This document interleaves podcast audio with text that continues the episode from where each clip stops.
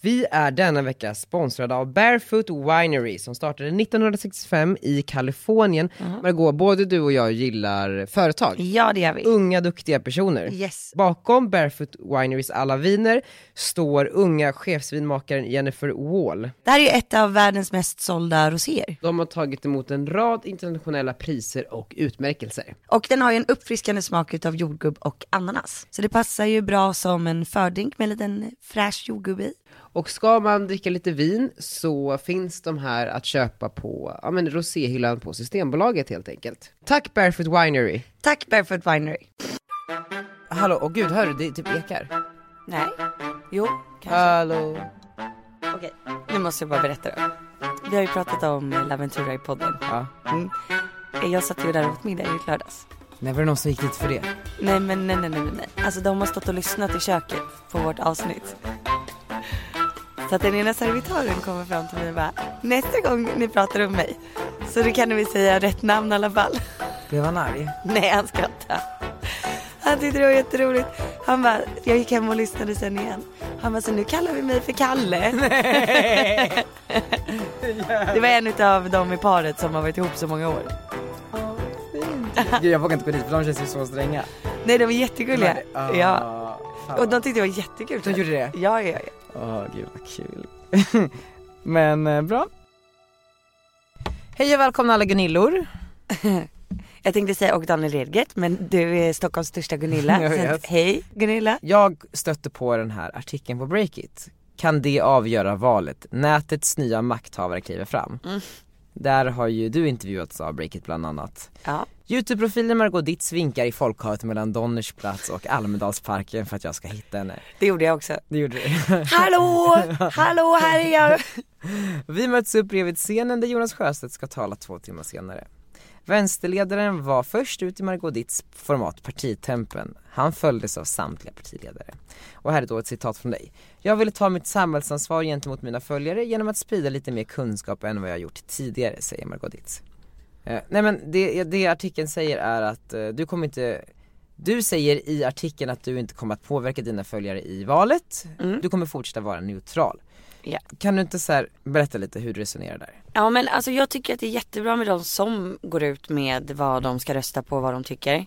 Men för mig känns det väldigt viktigt att ja, men låta de som följer mig inte bli påverkade av mina åsikter på det här sättet. Men varför är det bra då att andra gör det? Ja men jag tycker att det är bra att alla är olika. Det vore ju tråkigt om alla stod så. Fast någonstans då säger ju du att du inte tycker att man som så här, eh, förebild eller som person med många följare ska påverka sin målgrupp. Nej, jag säger bara att jag inte vill vara den personen. Alltså jag tycker att det är n- Isabella Löwengrip, hon har ju, eller det känns som att hon har gått ut med att hon är centerpartist. Det har hon gjort. Ja det har hon gjort. Ja. Men eftersom att jag har det ansvaret som jag har så känner jag att jag vill verkligen stå för att man ska börja tänka själv, bilda sin egen uppfattning, söka mycket information och vara nyfiken. Det är liksom Just mina hjärtefrågor. Speciellt när det kommer till unga tjejer. Killarna skiter i. Nej men det är 97% tjejer som följer mig på YouTube och bloggen. 3% bögar. Kanske. Nej. Det, Men- det står ingenstans. Nej. Men det är för att P3 Nyheter gjorde en granskning nyligen, såg Mm. du den? När de utgav sig för att vara en PR-byrå och hörde av sig till ett antal influencers och erbjöd dem att sprida ett budskap från politiska partier mot betalning. Eh, Ja. Där det här då inte skulle annonsmärkas. Ja, de skrev så här, du får inte skriva att det här är ett samarbete. Precis. Yes. Eh, och det var en hög andel som tackade ja. Mm. Vi kan lyssna lite på klippet här. Det är tråkigt att pengar styr så mycket i sådana fall. Alltså jag skulle kunna följa en sån här influencer och få höra den åsikten och tro på det hon säger. Det här är P3 Nyheter granskar. Men man försöker gå runt demokratiska regler för att uppnå ett högre syfte. Influencers kan spela en nyckelroll inför valet i höst. Dramatiskt. kan marknadsföra åsikter eh, utan att berätta då att eh, man är köpt. Det visar sig när vi låtsas vara en PR-byrå och hör av oss med ett förslag. Det var ett ganska lukrativt erbjudande får man ändå säga. Eh, Väldigt lite jobb, väldigt mycket pengar som ni erbjöd. Och flera influencers kan tänka sig att sprida åsikter mot betalning i syfte att påverka valet i höst utan att berätta för sina följare att de får betalt. om det nu är så att människor har sagt ja till samarbetet, så visar det att det här är ett problem. Okej, får jag bara pausa? Det är eh, Ja. lite skrämmande typ att så här, jag tycker att det är fel att inte märka ut att det är ett samarbete, det Mm. är fel. Men man måste ju inte reklammarkera när det gäller politiska åsikter. Förstår Nej, du? Men om man är betald så måste man Nej, väl inte när det gäller politik. För att lagstiftningen har inte hunnit Reklamombudsmannen tycker inte att man behöver göra det. Jag tror att det är samma sak med kyrkan också. Gunilla Velander är jurist på Reklamombudsmannen. Men när man däremot gör reklam för en politisk åsikt då behöver man inte följa marknadsföringslagen, för då gäller inte den. Utan då kan man göra det i smyg. Och bakgrunden till det är att den typen av budskap oftast skyddas utav antingen tryckfrihetsförordningen eller yttrandefrihetsgrundlagen. Alltså jag tycker att reklamombudsmannen borde sä- sätta stopp för det här. Men så då- att man måste reklammarkera. Men det känns ju som att lagstiftningen inte riktigt hunnit med Ja men varför ska, varför ska man inte behöva, om ett, det är ett företag som köper. Ja men verkligen, det är precis som att Jag fattar inte varför som det att inte ska ett reklammarkeras. politiskt parti köper en annons i en busskur Precis. Alltså det är ju tydligt att det är reklam Ja. Men i den här undersökningen då så var det ju, Sveriges Radio hade hittat på en PR-byrå som kontaktade 50 influencers. De hade mellan 10 000 och 30 000 följare på Instagram och föreslog att de skulle promota en fråga utan att hen visste liksom vilken. Och det de erbjöd var typ så här 15 000 per Insta-story och det är ganska mycket om man Jättemycket tänker pengar. liksom på antal följare också. Alltså så här, om de har kontaktat influencers som har mellan 10 till 30 000 följare. Mm. Då antar jag att de kanske inte får så mycket förfrågningar om samarbeten. Nej. Vilket också är så här, det är som att fråga någon som, ah, vad ska man ta för liknelse? Ja men det, det där är ju Men det är nästan, som att så här, eh, eh, man har en fiskare som liksom eh, fiskar upp en lax av hundra och, eh, nej. nej. Nej men det är väldigt mycket pengar för väldigt lite arbete. ja det skulle kunna vara liksom det dubbla av vad de tjänar på en månad på sin karriär. En influencer som har 10 till 30 000 följare har ju inte det som heltidsjobb antagligen. Nej precis, så det är väldigt lockande och när mycket pengar, om man ställer det framför någon, det är klart att det blir eh, intressant. Så. Och sen så måste jag också poängtera att det, det som gör att jag kan ställa mig kritisk inför den här undersökningen är ju att de, de här influencerserna är ju troligen inte då som du säger några som jobbar som det eh, dagligen. Nej. Vilket gör att de inte behöver förhålla sig till de här reglerna och kanske inte har den kunskapen som, som du har exempelvis som jobbar som influencer på heltid. Nej, Och därför är det ju också lättare för dem att säga ja. precis. För det här är bara ett litet nedslag i deras kanaler, så sen kommer de gå vidare med livet och eh, gå Exakt. tillbaks till sitt kontorsjobb kanske. Och det kommer antagligen inte få några konsekvenser Precis. som det hade fått om det vore någon annan.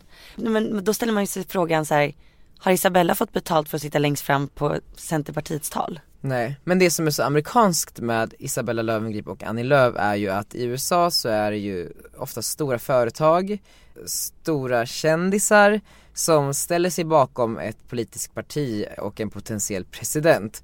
När den här presidenten sedan blir vald så är det ju liksom payback time. Då ska ju Aha. den betala tillbaks, eh, liksom göra så att villkoren för kanske det här stora amerikanska företaget blir bättre eller kanske skapa möjligheter för den här internationella a- artisten, jag vet inte. Men det finns ju ett ge och ta där och jag tänker att det som håller på att hända med Annie Lööf och Isabella Löwengrip är ju väldigt spännande i den bemärkelsen att ifall Annie om kanske så här, två mandatperioder blir statsminister och ska betala tillbaks för att Isabella har stått där och supportat vid sidan så då är vi ju inne liksom i en helt annan liga när vi pratar om eh, så här politisk påverkan eh, från influencers sida. Spännande Daniel. Jättespännande. ja. Tror du att hon har fått betalt? Jag tror inte hon har fått betalt. Tror inte jag heller. Jag tror att hon är jättesmart bara. Alltså rent ur, utifrån, eh, så här, det ger ju henne en tyngd. Ja. Och ifall Annie då, Annie har ju makt, hon är ju politiker. Ja. Eh, och ifall eh, alliansen liksom blir de som styr så kommer ju hon ha Ja. ganska stort inflytande och det finns ju fördelar då.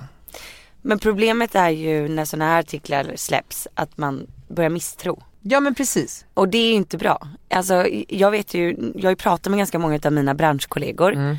Och det är ingen som har fått ett närmande utav något parti. För att liksom mot betalning göra inlägg eller poster överhuvudtaget. Den här branschen är ganska liten, alla vi pratar med varandra. Just det. Nej men precis, och, och, och så, så då tycker jag att den här eh, undersökningen som gjordes kanske inte riktigt är helt sanningsenlig. Nej men jag har svårt också att se att ett parti skulle våga just nu eh, räcka ut en hand och, och, och fråga om liksom, hej vill du ha betalt? Precis. Men, så- och Eller så- vad tror du? Så Nej jag, jag tror att det, det är jätte, det går inte. Alltså- kommer det fram och så nej, det ser nej, inget nej. bra ut. Nej nej nej, nej. men var det inte också så här Moderaterna som hade köpt typ Mikaela Forni och några för eh, ganska många år sedan eh, att blogga om Moderaterna och det blev en, en jättestor grej. Är det så? Jag tror det. Skulle partierna börja köpa icke annonsmärkta posters så skulle ju också, jag tror att konsumenten eller den som konsumerar den här kanalen vara tillräckligt eh, smart att se igenom det. Jag menar vad folk är ju inte dumma i huvudet. Nej. Men ska vi vara överens om att vi tycker i alla fall att man borde sätta in ett tvång på att reklammarkera? Absolut. Eller- Och, då, då, ty- och i, om man gör det så är det okej. Eller? Alltså ja, då Ja. blir ju läsarna förstår ju då i alla fall att det är reklam. Precis. Och så förhoppningsvis så antar man ju att en influencer inte gör reklam för ett parti som den inte tror på. Nej men och sen så la ju du upp den här eh, Zlatan och Beckham IKEA-kuppen på Instagram. Jaha, Kan du berätta om den? va? Var den betald? Nej men det är ju det jag menar om det här kanske nya tidens samarbete, det är Ja. dit vi är på väg. Okej, nej men jag gillar ju fotboll väldigt mycket. Jättemycket. Du har ju också fått ett helt nytt intresse Ja. nu här. Lite grann i alla Lite fall. grann. Lite grann. Okej, och så att det, det kanske inte är så många utav er som har missat det här men vi t- läser det ändå. Eh, ska bara hitta här, det var några bilder sen jag tog den. Okej, då har alltså Zlatan skrivit på sin Twitter. Yo, David Beckham. If England wins, I buy you dinner wherever you want in the world. But if Sweden wins, you buy me whatever I want from IKEA. Okej? Frågetecken. David Beckham svarar. Alltså sådana gråtsmiley, alltså sådana här skrattgråtsmileys. Ja. Eh, Zlatan, if Sweden win, I will personally take you to IKEA and buy you whatever you need for the new mansion in LA. But when England wins, I want you to come and watch an England game at Wembley wearing an England in, in, uh, an England shirt eh, and enjoy fish and chips at halftime. Och det här är ju så jävla bra reklam för IKEA. Det är helt sjukt. Och det är ju inte slut där. Nej. Där är ju IKEA jävligt smarta då och snabba. Så att de lägger ju upp en bild på en köttbulletallrik. Och skriver Yo David Beckham, yo Zlatan. When Sweden wins och ni kommer hit för att eh, Zlatan ska få köpa vad han vill. Då bjuder vi på köttbullar. Hoppas medium size går bra.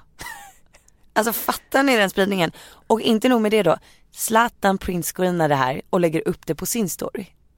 Förstår ni vad den marknadsföringen hade kostat? Nej men precis, om det inte har kostat.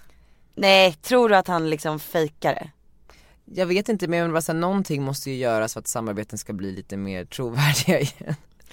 Men det hade ju varit helt sjukt om det där är ett samarbete. Ja det hade varit helt sjukt men det hade varit helt sjukt bra också. Ja, men då, det hade varit helt sinnessjukt. Då har de köpt David Beckham och Zlatan. Och dig som sprider det här i Sverige.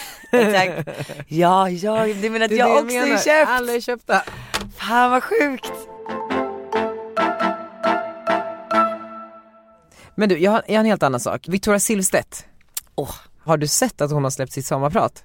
Nej, Hon sommarpratar! skämtar du? Nej! Alltså det här var det sjukaste, för det här är ju så här, att sommarprata är ju någonstans, då blir man ju en Gunilla-favorit på riktigt. Ja, Du lyssnade på Biancas sommarprat, har du lyssnat på någon mer sommarprat i år? inte i år, nej. Nej. Men jag ska. Grejen är så här, jag tror att varje år så har de ju också så här, ja men så här, en ung kvinnlig influencer som rep- representerar den världen. Eh, För att göra ett så här bra urval där alla finns reppade någonstans. Och i år blev det Bianca, alltså jag tror inte att det är långt från att det blir det nästa år. Alltså jag har en känsla av att det kanske inte bara blir en nästa år. Som Ja, får det är- reppa influencervärlden. Vad tror du? Ja men jag tror att det blir en, Efter att Bianca gjorde en miljon unika på en vecka. jag vet men Sveriges Radio måste ju ändå hålla fast vid så här gamla värderingar på så många sätt. Måste de det? Ja, Jag tror det. Ja, man vill ju det också. Men tror du att det kommer sommarprata nästa år? Nej. Du tror inte det? Med handen på hjärtat? Nej men det finns väl mycket intressantare människor än mig. Ja, men det finns också mycket intressantare människor än typ hälften av de som sommarpratar. Vem sitter och väljer? En kvinna som heter Bibi Rödö. Nej, Jo, hon är ju typ så här 25 år. hon är ju ändå en legend då. Väljer och vrakar helt själv. N- Vilket ansvar. Ja men också vilken makt. Men tänk den dagen de byter ut henne. Eller hon slutar. Ja någon gång lär ju det bli eftersom hon har suttit där i typ 100 år. Det, då kommer det, det kommer bli kaos ju. Gunillorna kommer inte bli glada. Kommer in någon ung, Ja. väljer bara unga personer. ja. Eh, Okej förlåt, jag ska inte avbryta dig. nej men och, Silverstedt. nej men jag har inte träffat henne. Eh, vi var i Paris samtidigt här för några månader sedan och då, vem är inte bästa vän med Victoria Silvstedt om inte Camilla Olsson? Ja, Eh, såklart. så då messade jag Camilla och frågade, hej jag såg att Victoria är i Paris, eh, kan inte du kolla med henne om eh, du kan styra upp så att vi kan ses? Och så, så, så höll jag andan tills hennes svar kom. Ja. Och då sa hon, hej baby, kolla med henne, hon har tyvärr redan åkt tillbaks till New York. Åh jag bara, nej. of course. Yes. Eh, men så här, jag lyssnade på sampratet, jag började typ gråta, jag kände igen mig något otroligt av det hon sa för det finns en viss typ av människa som någonstans alltid är ute på en resa. Man vill så mycket av livet, man, man har så mycket att hämta. Och sen när jag lyssnade igenom hela så helt plötsligt började jag tänka på men gud, hon har ju för fan härmat mig. Victoria Silverstedt. Alltså min bok är en kopia av hennes sommarprat Mm. Nej. och min bok kom före hennes sommarprat. Jag tänkte att vi ska spela upp eh, lite grann här hur de här påminner varandra och så börjar vi då med eh, min bok där jag berättar att så här, ja, men det jag alltid sagt är ju att så här, det är resa mot målen som är det viktiga och det är det jag tycker är roligt i livet. Och eh, så här förklarar jag det i min bok. Jag kom tidigt till insikt om att det inte var den geografiska resan som var poängen. Den kan ta dig till Stockholm, Göteborg, Paris, New York eller Flen. Nej, det var resan mot självförverkligande som var och är det viktiga i historien för Petter. Och för mig. Och för många av våra medresenärer. Hur man bestämmer sig för någonting och sen ger sig fan på att det ska hända. Eh, Så, och då ska vi gå över till Victoria Silvstedts sommarprat här. Jag har alltid gillat att vara i rörelse. Att vara på väg någonstans är att finnas till. Att följa förväntningar. Att njuta av resans mål medan man tar sig dit. Låta mig dras med. Margot, där måste du ju erkänna att det finns en viss likhet mellan eh, henne och mig. Ja det finns det. Det finns det, eller Men det hur? är inte jättesjukt. Inte jättesjukt. Nej. Inte än. Nej. Inte än. Kommer det mer?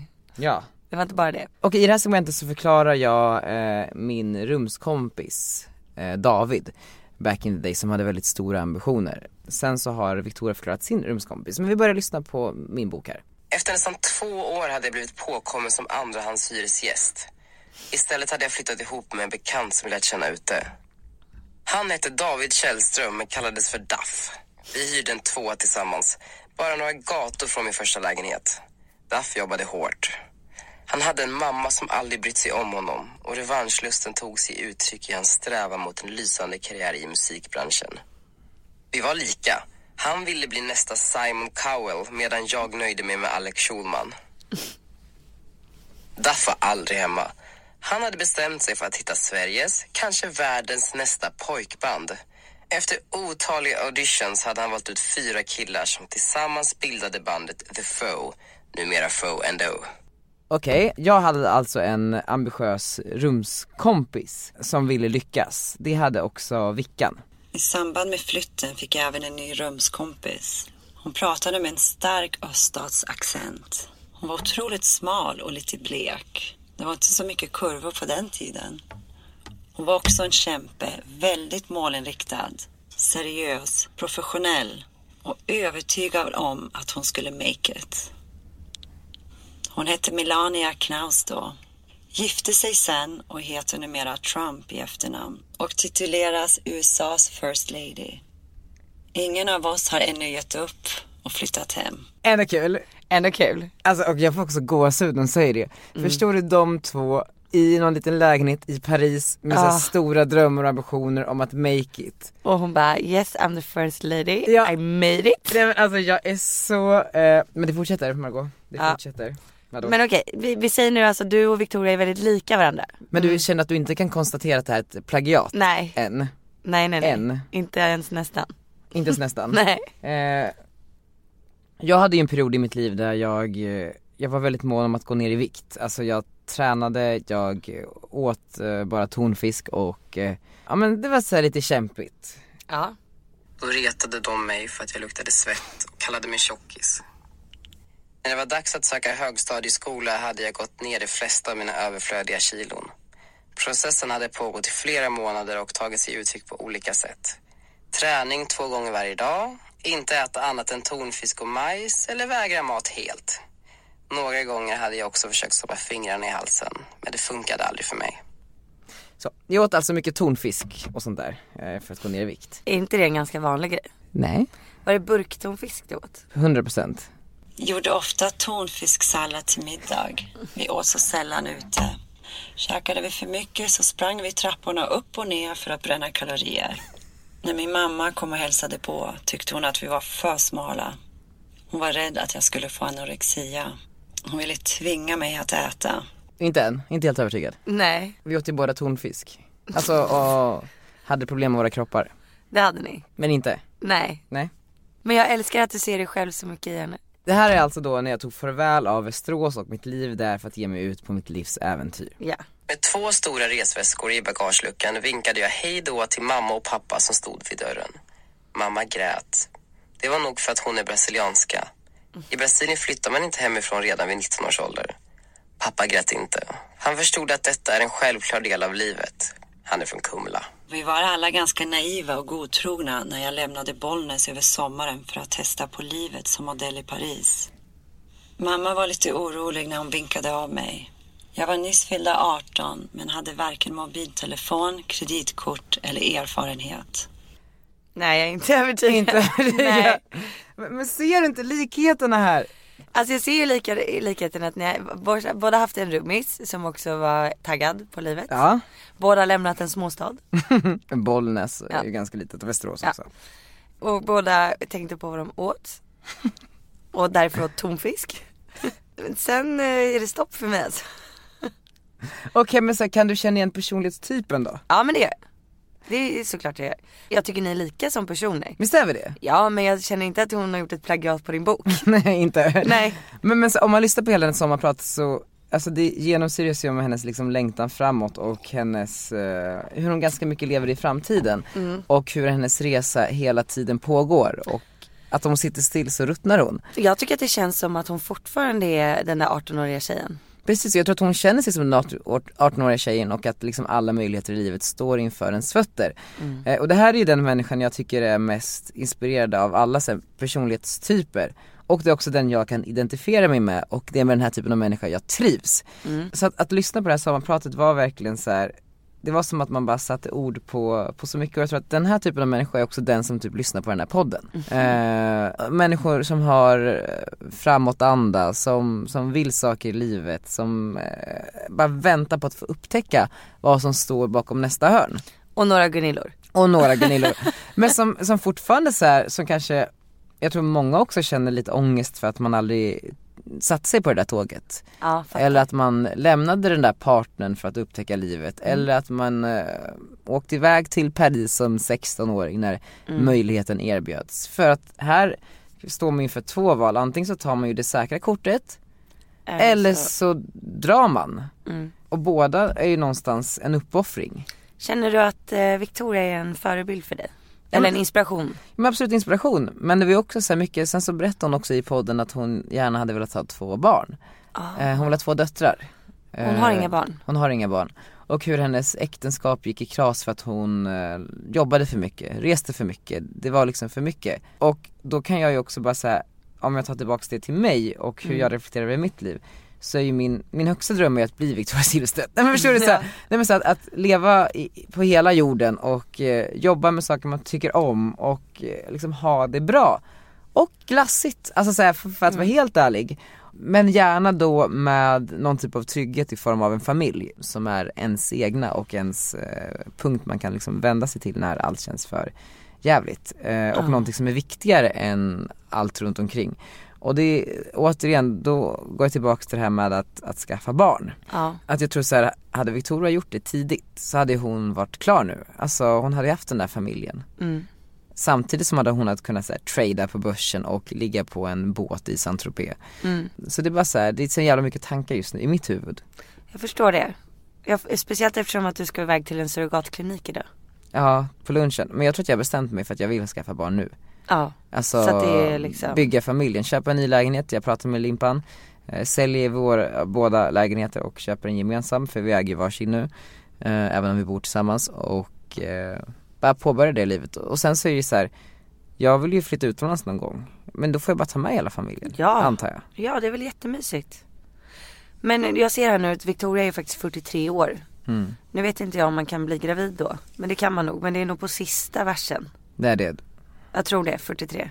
tror hon blir barnlös, Ja, man får väl inte adoptera efter att man är 40? får man inte? Nej, jag tror inte det. Surrogatmödraskap, Om hon har fryst in sina ägg. ja men det tror jag att kanske hon har Ja. Pratar hon inte om det i podden?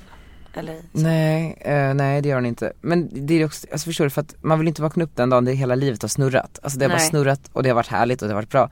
Men sen man bara what? Jag, jag, hände? jag glömde liksom allt annat. Mm. Eh, Och jag känner ju att mitt liv har snurrat fram tills idag, Jag tror att du behöver ett barn. Hur Mm. gammal är Limpan? 32. Nej, Men gud, vill du veta något kul? Vadå? Ni är precis lika gamla som jag och Jakob var när vi skaffade Arnold. Nej men, Ja! 26 och 32. oh my god. Du var bara, du var 26 år. Ja. Jag var 25 när jag blev gravid och så kom han när jag var 26. Var du bara 25? Ändå så ett stort beslut att ta när man är 25. Nej men jag var lika bestämd så som du sitter här mitt emot mig nu. Men du bara bestämde dig liksom. Jag vill ha ett barn. Jag har alltid sett mig själv som en ganska ung mamma. Men blev du yngre än vad du hade föreställt dig? Nej, jag tror att det nog blev precis där jag hade föreställt mig när jag var typ 15-16. Jag tänker, när du är 40, då har du liksom ett barn som typ är 15. Ja, fattar du vad skönt? Precis, eh, om jag skulle skaffa ett till barn nu och sen inga fler, då flyttar ju de hemifrån när jag är 45. Hur soft? Och då kan du börja resa igen typ. Nej men då är du, Vi kan då hitta är... på kul saker tillsammans. Ja men då är du i princip den åldern som Vickan är i nu. Mm. Alltså så här, och hon ligger fortfarande på en jävla yacht i saint och har det gött och eh, eh, Men hennes liv är också så absurt, hon berättar om så här, vad hon gör och hon bara Sen så hostade jag den här eh, foundation för prinsessan Charlene och du vet så här, jag Men är det bara- det hon jobbar med, att hosta grejer? Alltså hennes eh, main business är ju trada med aktier och Mm. liksom hennes portfölj eh, eh, så, och sen så gör hon ju mycket celebrity appearances, alltså du Ja. vet såhär, och mycket tv-jobb, mycket så italienska Okej. typ talkshows eller såhär, tänk dig såhär en riktig såhär blaffig scen med typ ett stort hjul och någon sliskig italiensk programledare och så kommer hon in i någon guldklänning Typ och en typ, italiensk bingolotto. ja men precis, och typ snurrar kanske på hjulet och är lite Ja. såhär snygg typ. Ja. Det tror jag att hon jobbar mycket med. Hade man inte velat se henne i Let's Dance? Nej men alltså skoja inte. Hon måste ju ha fått frågan tusen gånger. Ja, ja. Men alltså jag, jag är så fascinerad, jag måste lära känna Victoria, alltså jag måste, och du älskar ju också henne Jag tycker hon är jätteintressant. Hon brukar ju vara i Frankrike där nu när, när jag är där. Ja ja ja, ja. Så att, har du någon fråga som jag ska ställa henne om jag stöter på henne?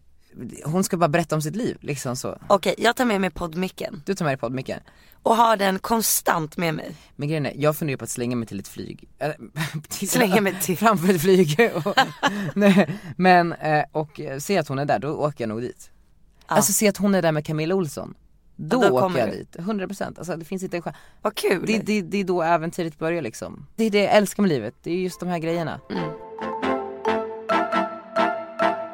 Margot, Ja, goda nyheter! berätta. Vilka är tillbaka som sponsorer i den här podden? Alltså Erik Klarna. Det är Klarna! Men att de gick på det där hetset. Jag vet. Men vi har ju också vunnit pris för Jag vårt vet. Klarna-samarbete. Är det inte, alltså det är helt fantastiskt. Guldtrumpeten. För årets influencersamarbete. Ja. Och det är ju då ett företag som heter Signal Signal som är, med Signal Signal kan man ju söka på typ ord i ljud. Förstår du? Så om de skriver in, eh, om vi skriver in bajs så kan vi liksom hitta bajs, vart jag har sagt spice i olika poddar och sånt där. Det är jättebra. Det är jättekul, så vi är jättetacksamma för det och det kanske är en av anledningarna till att Klarna är tillbaka. Ja, så vi tackar Signal Signal, och eh, Guldtrumpeten och Klarna.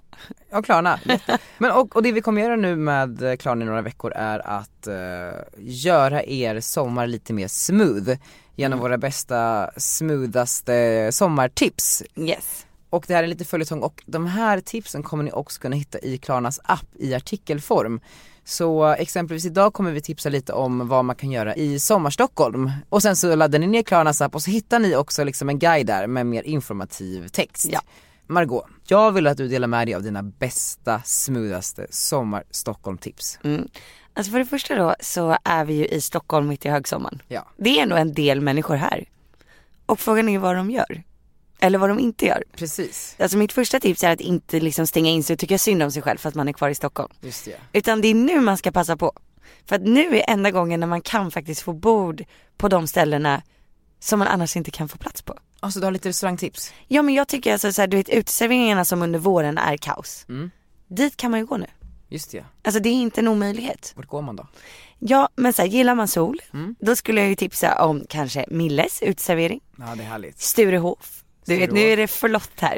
Det är flott. Man ska unna sig också om man väl är Du, hemma. du får välja ett flott tips.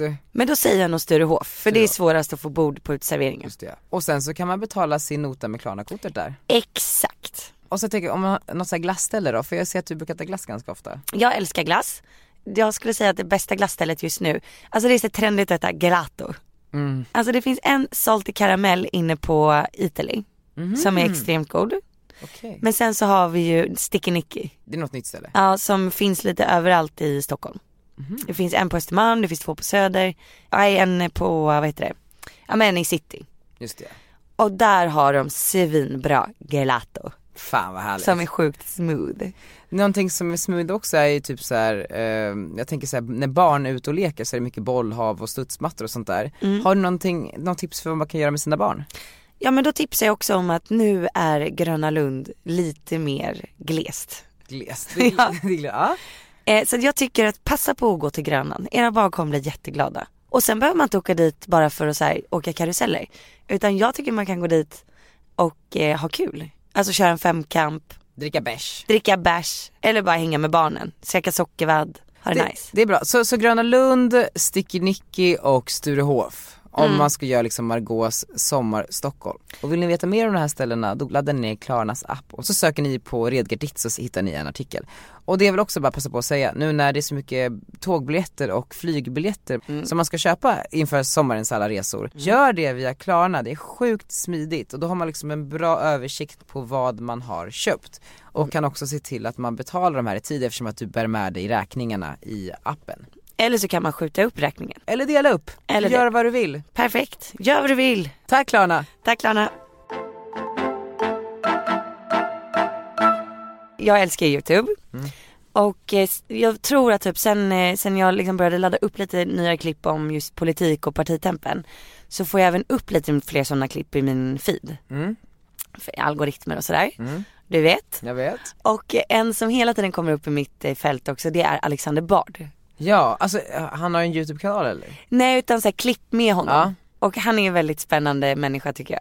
Har du lagt till honom på Facebook än? Nej jag har inte gjort det, jag vill inte bränna min bro. Men ofta han skulle bara, oh my god, nu lägger hon till mig, jag kan aldrig prata med henne. Nej men jag vet hur ledsen jag är. Alltså i, eh, jag, jag kollade ju inte mejlen så mycket i Almedalen. Och då hade jag fått ett mejl av SVT som det stod så här. Hej skulle du vilja sitta i morgonstudion med Alexander Bard imorgon bitti klockan åtta? Ja. Och jag är så ledsen, jag bara kände att det där var min, det där var meningen. Och, och du stod och liksom tog en shot Åtta på morgonen. samtidigt. Ja nej men så här, jag hade verkligen velat träffa honom. Verkligen. Får bli nästa Almedalen. Ja, men i alla fall. Då började jag kolla lite då på hans eh, klipp. För att det är roligt att fastna där. Eh, och har du sett eh, det klippet från 1995 på Nyhetsmorgon? Nej. Ska vi kolla på det bara? Ja. Han förutspår framtiden. Alltså det här är ju varför han är så jävla cool. ja, när han pratar om internet. Exakt. Bara spela upp lite. Man pratar om att vi går in i informationsåldern. Det är egentligen nästa steg för vår civilisation. Vi vi har från början bott i byar och vi har flyttat från byar till städer. Och när man bodde i byarna för 150 år sedan då var det kyrkbacken som var det viktiga. Liksom. Och där hittade man sina jämlikar. Och kom man inte överens med folk på kyrkbacken då fick man skita i det. Sen flyttar man till städer och då börjar man hitta människor som, man, som är mer lika en själv. För man har mycket, mycket större eh, grupp människor att leta sina vänner och bekanta och arbetskollegor ibland. Men idag går vi över till att se hela världen som en enda by. Men sa, det här med att människor behöver mötas, ögonkontakt, fysisk Jo, men det kontakt. kommer finnas kvar, men, men allt det andra kan man egentligen ta via nät. Det anmärkningsvärda här är väl att din tidning den finns i första hand på papper. Vi har inte kommit så långt än att vi, att, jag, tror inte, jag tror aldrig vi kommer komma dit i modern tid heller att vi vill läsa tidningar på datorer. Det är en myt som, eh, som eh, är grovt överskattad. Tidningar är någonting man vill kunna eh, ha bredvid datorn som manual när man gör det man gör på datorn. Och det tror jag det kommer vara ganska länge. Men- Vad är det för information vi kommer att hämta via datorn? Eh, Allt. Precis, Precis. allting. Man behöver, inte ha någon, man behöver inte ha böcker hemma längre, man behöver inte ha något bibliotek hemma längre. Man behöver egentligen inte ens ha CD-ROM som men idag böcker finns. alltså. säger du, men det behöver man också ha i sängen. Ja, och men det är ligga och för att läsa. kanske läsa, men inte för information. Alltså är det inte lite sjukt det där? Det är jävligt sjukt. Man kommer inte ens behöva cd-rom hemma. Och de bara, nej men nu får du sluta. Malou-tappare. Den gamla hederliga boken. På nattduksbordet. Men är det inte så jävla coolt? Vad säger han händer om 20 år då?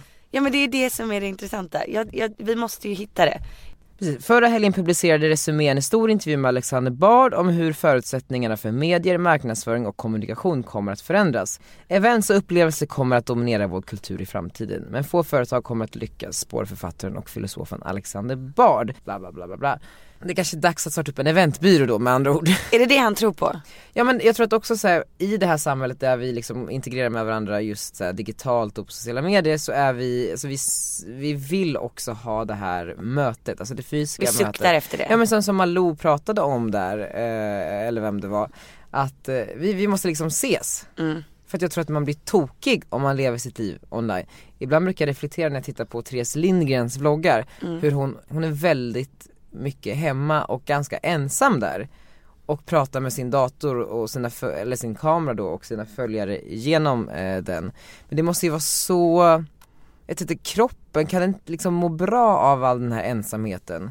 Jag har hört att de lyckligaste, eller de människorna m- som får längst liv är ju de som lever som mest socialt. På riktigt? Ja. Och då räknas inte genom en dataskärm? Nej men precis, alltså det är typ bättre att skratta än att sluta röka. Alltså börja skratta än att sluta röka. Eh, för vi människor måste vara glada, vi mår bra av det. Ja men det tror jag Och stämmer. det kräver andra människor. Jag tror verkligen det. När du sitter och räknar likes på Insta, det gör ju dig inte glad på riktigt. När det ger mig en stress. ja. Ja, exakt. Om det är riktigt bra bild så blir det väl lite pirrigt sådär. Lite, ja, när, man, när de trillar in. Vad var det du sa, när hon rinner in? rinner in. Rinner in. Likes rinner in. Men jag tänkte att vi skulle förutspå framtiden. Ska vi förutspå framtiden? Ja. Och Men du får bestämma hur långt i framtiden. Ja men jag tror ju någonstans, orkar att jag nu går i Alexander Bards fotspår, men jag tror att, eh, nej men för att man ser väl trenden så här med unga människor längtar efter familj eh, Mm. och barn på ett helt annat sätt, alltså då, generation Z. Nu är inte jag 100% på att det här är exakt eh, sanningsenlig sanning men eh, vad jag förstår det som så generationen som kom efter oss, alltså efter millennials, heter ju generation Z och att det de vill är inte att de ska ta över världen och liksom hela det här framåtandan som vi har. Utan de vill framförallt så här, skaffa barn och familj och hitta en trygghet i en så här, svajande värld. Och därför tror jag att så här, familjerna kommer bli yngre, man kanske kommer få flera barn, kollektivet kommer tillbaka, vilket man kan se på ganska många undersökningar. Jag läste en artikel i en tidning som heter Wired, Oj. hur eh, många, eh, det finns ett nytt företag, jag kommer inte ihåg vad det heter, men eh, många säljer liksom sina lägenheter, alltså många som har internationella jobb där de reser mycket och sen så ansluter de till det här kollektivet som finns i eh, olika länder där man liksom har ett rum någonstans och sen så delar man på gemensamma utrymmen och kök och sådär. Och så lever man tillsammans och att jag tror att vi- vi kommer gå mer och mer mot det. Också med tanke på att det, är, det råder liksom stor bostadsbrist i, i många delar av världen. Vi måste bli smartare hur vi ut- utnyttjar världens resurser. Så kommer vi liksom lä- eh, leva tätare in på varandra och familjerna blir större. Det tror jag. Och inte fokusera på liksom karriären. Den är ganska självklar tror jag, så den kommer man bara göra. Men jag tror att också så kommer fler vilja Klarna exempelvis som vi jobbar med här, Mm. de har ju också sin Norrsken Foundation och Mm. Norrsken House där de eh, låter olika företag eh, sitta och arbeta med sina typ startups. Och de här företagen, det som är gemensamt för dem är ju att de gör någonting bättre för världen. Mm. Och jag tror att så här, fler sådana initiativ kommer att komma och att fler företag kommer ta någon typ av samhällsansvar. Så att i sitt arbete gör man hela tiden någonting gott också för resten av världen. Vad fint. Jättefint och jätte så här, nödvändigt. Ja, då hoppas vi ju på generation Z. Generation Z är här och de Och det är 96 och yngre typ. Ja, jag tror att det är det och Ja. eh, de dricker ju inte heller lika mycket som vi har gjort. De Aha. festar liksom inte på samma sätt.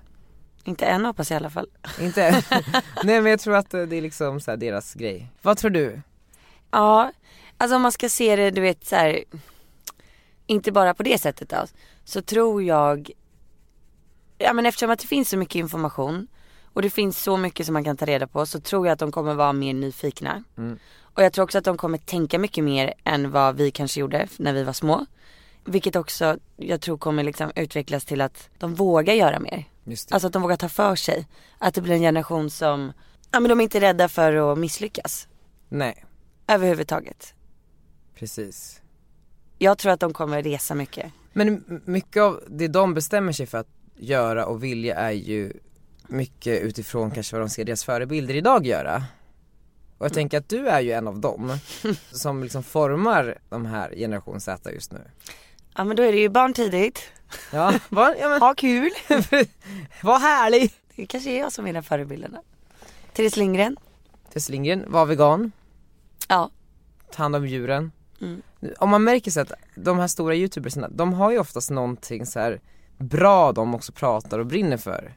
Mm. Ja. Alltså psykisk ohälsa, eh, vilket gör att jag tror att kanske den yngre generationen blir mer stabil och de finner ju tröst liksom Mm. i de här personerna eh, som man inte gjort tidigare. Jag tror att Bianca är en typisk sån tjej som får unga tjejer att våga sticka ut. Ja, Alltså att våga vara sig själv ha och en ta för åsikt. sig. Ja men precis.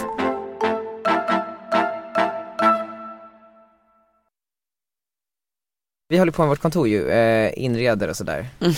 Jag, jag tänkte att du ska få prata med inredningsarkitekten. Ja, Gustav. Och jag insåg, Gustav är ju en, han är ju inte inredningsarkitekt, han är arkitekt. Är han arkitekt? Arkitekt. På riktigt? och han, han får inte tag på dig, han har försökt skriva till dig på Insta. Eh, så han, Oj. jag ringer honom här så får du prata med honom i podden. Insta är inte det bästa sättet att få tag på mig. Hej det är Gustav. Hej Gustav, det här är Margot. Tjena Margot, tjena. Tjena, vad härligt att få prata med dig. Ja, detsamma. Jag har ju försökt få kontakt på dig så att, Är det så? ja, det är helt okej. Vad bra. Du, var glada vi är att du ska hjälpa oss med kontoret. Ja, jättekul. Verkligen. Har Daniel förklarat bra vad det är vi vill ha? Alltså jag kan ingenting om sånt här, så att eh, jag litar på dig. Bara det inte blir för sterilt. Inte så Nej, du då, vet det- såhär skandinaviskt. Eh... det är det enda Daniel vill ha. Jag skojar, nu skojar det jag är bara. jag vill ha. Men Man kan bara lägga lite fluffiga kuddar och göra lite färgglatt. Ja, absolut. Fluffiga kuddar. Det är det, det, är det. Men jag, jag tänker att du, du får berätta lite för mig vad det är du vill ha. För jag har ju bara träffat Daniel och hört hans, Ja. hans åsikter liksom. Så att, eh, Mm. Alltså, det, nu kommer det här låta jättetöntigt men det viktigaste för mig det är ju att det ska liksom vara bra eh, arbetsmiljö. Eh, och med det så menar jag ju eh, både att det ska vara nice att sitta där men också att det ska vara fotovänligt. ja just det. Och då är det någon, Alltså bra ljus, ja. fina färger. det låter helt sjukt när man berättar det så här. Nej men det är rimligt tycker jag. Ja, Ja, det är ja, bra. ja.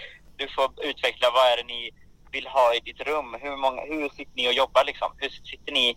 Är ni, sitter ni som i ett kontor och bara sitter och jobbar eller kommer ni, vill ni ha lite mer? Här kan man sitta idag och sen kanske någon sitter vid ett kontor eller fattar du? Mm. Eh, alltså jag är en tjej som sitter och redigerar typ hela dagarna. Eh, så hon kommer nog sitta ganska mycket i ett av de andra rummen. Om det finns liksom möjlighet för det. Och sen har jag en tjej som eh, jobbar hos mig som gör allt liksom. Hon gör mitt schema så då behöver hon vara, ja men då är det lite ostört. Men sen så är hon även stylist. Just det. Nu skrattar Daniel, han sitter bredvid. eh, nej men så att hon har ganska mycket, ja men du vet de springer runt med mycket saker och sådär. Mm. Men eh, du kanske vill ha lite så här att du kan hänga upp kläder och sånt. Precis. Och då eh, tänker jag att det är snyggast om det är liksom, du har de senaste grejerna där kanske, så det är snyggast om det är någon klädd häst liksom, som man ser, tänker jag. Att det inte är en garderob, eller hur känner du? Jo men det är väl nice. Där ska vi ändå inte ha kunder och så, eller eh, möten. Så det funkar ju. Eh, Jag har faktiskt varit inne och, och eh, på en glasmästare och kollat på, eh, på gigantisk spegel, vad det skulle kosta. Ja. För att det tänker jag att du vill ha. Det är jättebra. det var rätt dyrt, men du, det, Det gör ingenting! Nej men det är, det är ju jättebra. Och då, är- Ja. precis, då är det viktigt att spegeln har bra ljus. ja. På- Från andra hållet, absolut. Eh, sen så tänkte jag, finns det någon möjlighet att ha liksom ett litet sideboard där man typ kan ha smink och sånt? Då skulle det ju vara roligast om man kan eh, bygga det själv liksom, så att det kom, passar in.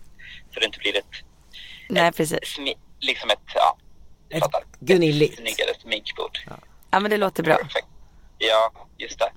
Sen pratade du om att du ville ha liksom olika känslor i rummen. Ja, ja exakt. Vad känner du för det?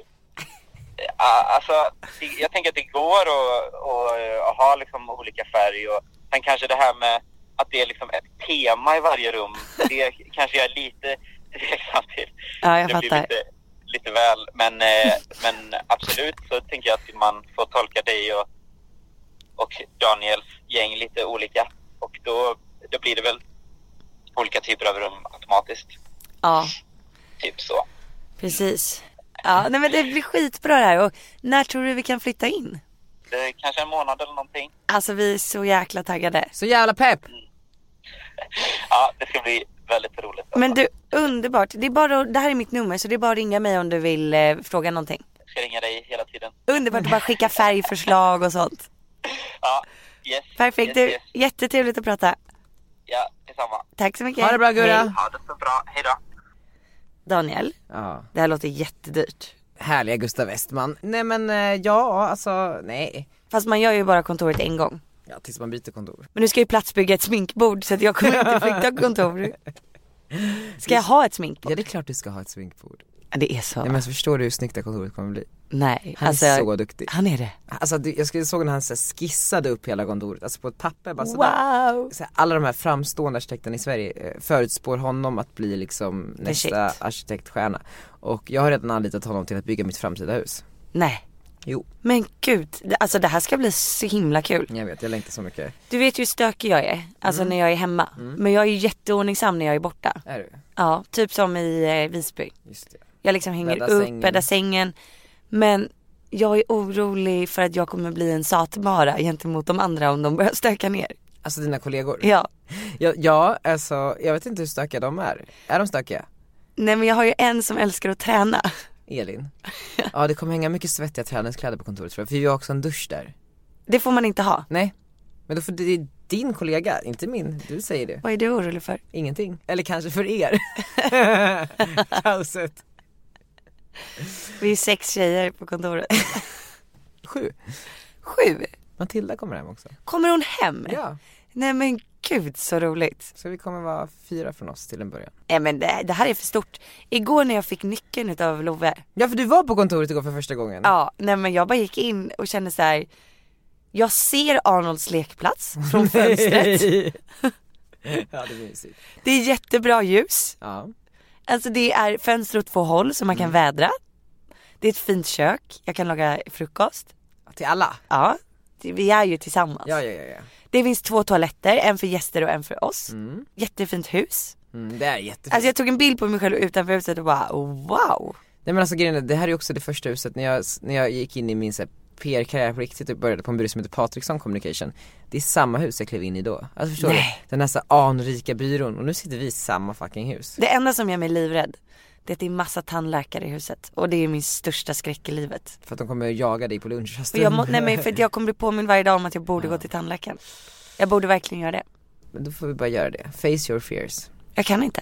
Jo De fick söva ner mig sist. Va? Mm, så rädd är jag. Men hörni, tack så jättemycket för att ni lyssnade eh, Jag hoppas att ni gillar den här podden och eh, Mhm. Vi avslutar med Victoria Silvstedts låt. Precis, Visst har hon en låt? den inleder hon hela sitt sommarprat med Gör hon? Hello hej Spela upp den. Är det här hennes låt? Hello, hey, what's your name? I need to know. Bra Så Nej, nu- sätt på den. Hon är i Saint Tropez nu, jag kollar hennes Insta. Är hon? Hon är nog där ett tag. det tror jag också. Oh my god.